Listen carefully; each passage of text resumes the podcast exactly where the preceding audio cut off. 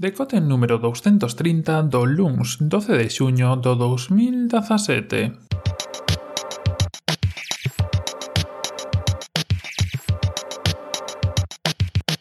Bos días e benvidos a este novo decote, esta nova edición estaría do Luns.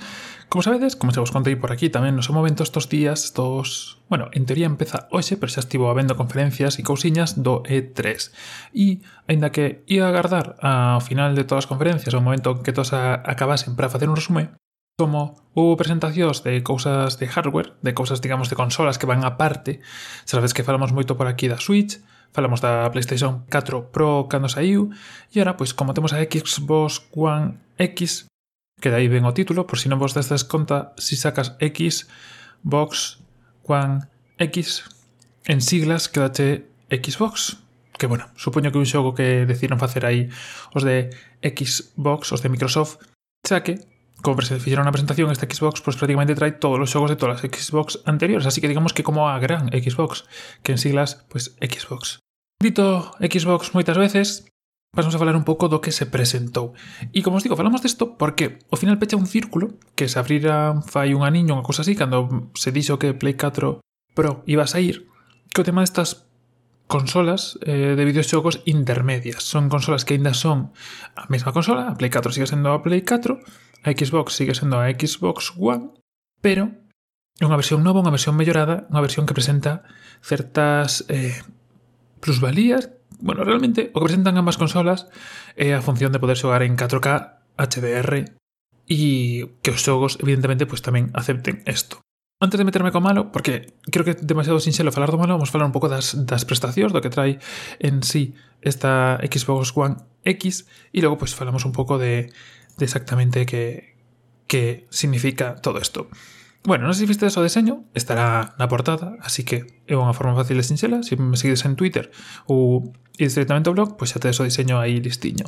Que trae esta Xbox One X? Bueno, un diseño moi bonito, a verdade é que a xente de Microsoft fai un diseño precioso, e dentro dese diseño tan bonito, pois temos un procesador de 8 núcleos a 2,3 GHz, unha GPU de 40 unidades de computación, que, bueno, isto son cosas así máis técnicas, pero a idea é que ten 6 teraflops de potencia, eh, o núcleo fai no AMD, sabes que AMD pois, é o favorito curiosamente de Microsoft e curiosamente de Apple. Apple tamén as GPUs que son, digamos, non propias delas ou que non van insert, eh, non van dentro do chip, tamén son de AMD. E como os decía, ten 6 teraflops de potencia, algo equivalente para a xente que teña tarxetas gráficas a unha Nvidia GTX 1070 e estos pois, son máis que a Play 4 Pro que ten 4 teraflops de potencia.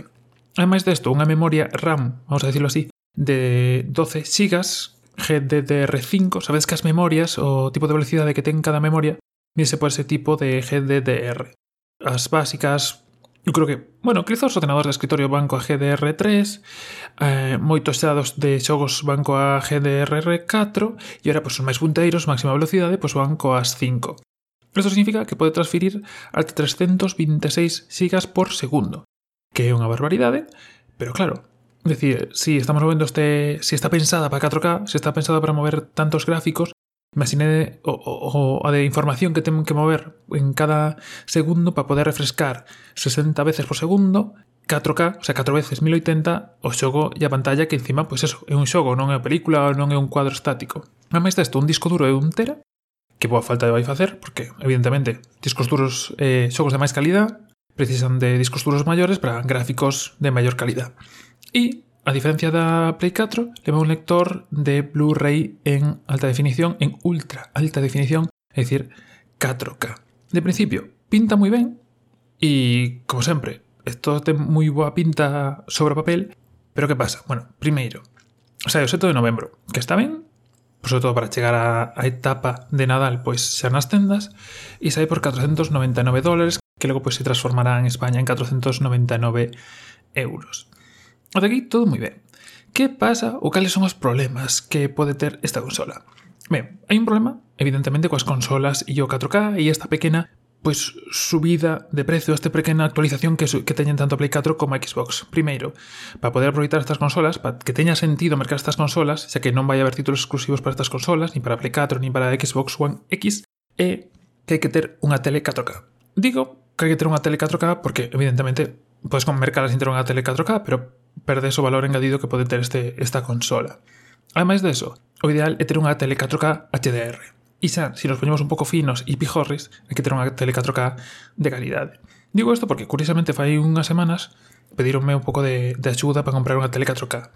E a día de hoxe, mercar unha tele 4K de 600, 700 euros como as hai, é algo que para min non ten moito sentido. Non ten moito sentido porque sabedes que as teles, como os teléfonos, como as portátiles como as tablets levan paneles que non son todos iguales, son diferentes e 4K per si per se non significa que sexa un bo panel, significa que ten pois moitos puntos por pulgada, que ten tantos puntos por pulgada como son necesarios para ter ese, ese 4K.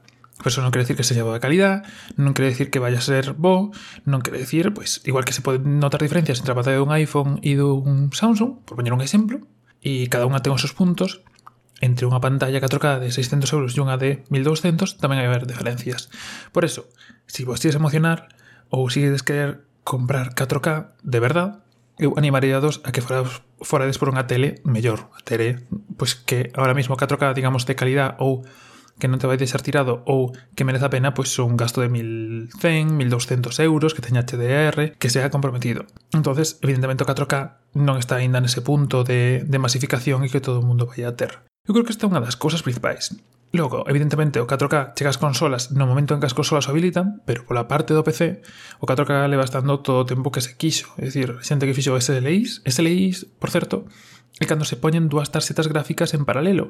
Levan un pequeño, un pequeno enganche que se para xuntalas de forma física, entre comillas, E digamos que o que faz é sumar a potencia de ambas, de ambas tarxetas gráficas. Non todos os xogos o levan ben, porque non saben tirar das dúas gráficas ao mesmo tempo, pero bueno, para que entendades. Entón, desde fai moito tempo, pois a xente fixo SLAs e cousas así para mover 4K, 6K, 8K. E, pois evidentemente, tampouco estaban atados a un ratio de refresco de 30, 60 fotogramas por segundo. Dito isto, evidentemente, pois, saen as consolas e aí vai, vai haber xente que lle gusta máis xogar en consola e que vai querer e que vai ter a tele. Pero Despois o tema tamén é por que mercar unha ou mercar outra, por que mercar a Play 4 ou meter a Xbox One.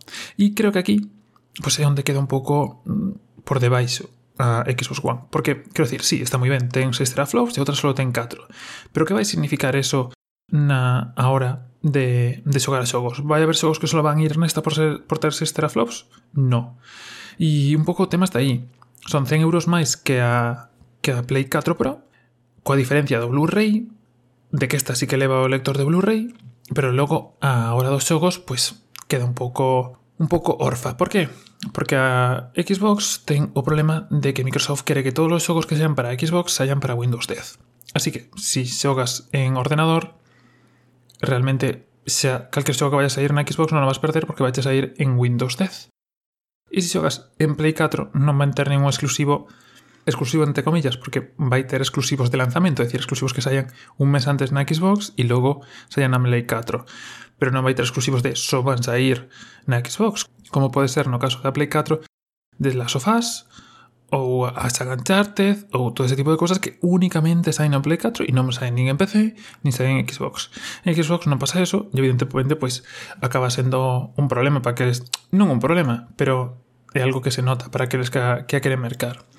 E, bueno, está un pouco así o mercado. Para que veixades, deixe vos un artigo na descripción no Engadget eh, España, onde podedes ver eh, os xogos que saen e o tipo de exclusividade, pero, xa vos digo, non merece moita pena.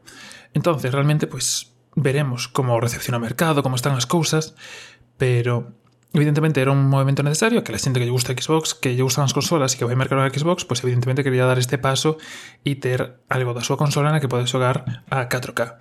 Pero para o resto do mundo, pois pues, se si estás pensando en mercar unha consola, seguramente se si queredes unha consola e a Switch non vos interesa polo concepto que é e polo menor catálogo de videoxogos que vai ter, eu tiraría máis para a Play 4 Pro. Permite vos xogar en 4K, HDR, vai ter todos os xogos que xan na Xbox e algún máis, y pues son 100 euros menos, salvo que necesites o lector de Blu-ray HD, o sea, de Ultra HD, Blu-ray de 4K, pues a verdad é que non merece moita pena. Pero bueno, primeiras sensacións, primeiras ideas, deixo vos un enlace a un artigo de Stack onde falan un pouco de todo o que trae esta Xbox One X e outro de, como os decía, en Gadget, onde falan de todos os xogos que saen, creo que sacan trailer de todos, bueno, tens aí toda a información en conxunto. E nada máis por hoxe. Volvemos mañá ahora, ocúpome de que estea ahora, porque, bueno, vou estar, vou gravar ahora mismo para, para que estea mañá ahora, E pouco máis, eh, como sempre, toda a información en podcast.elgay.net e aí tamén tedes outras formas de contactar comigo, Twitter, Instagram, Facebook, todo o que queirades. E vémonos de novo mañá no mesmo sitio e a unha hora moito máis cedo. Un saúdo e ata mañá.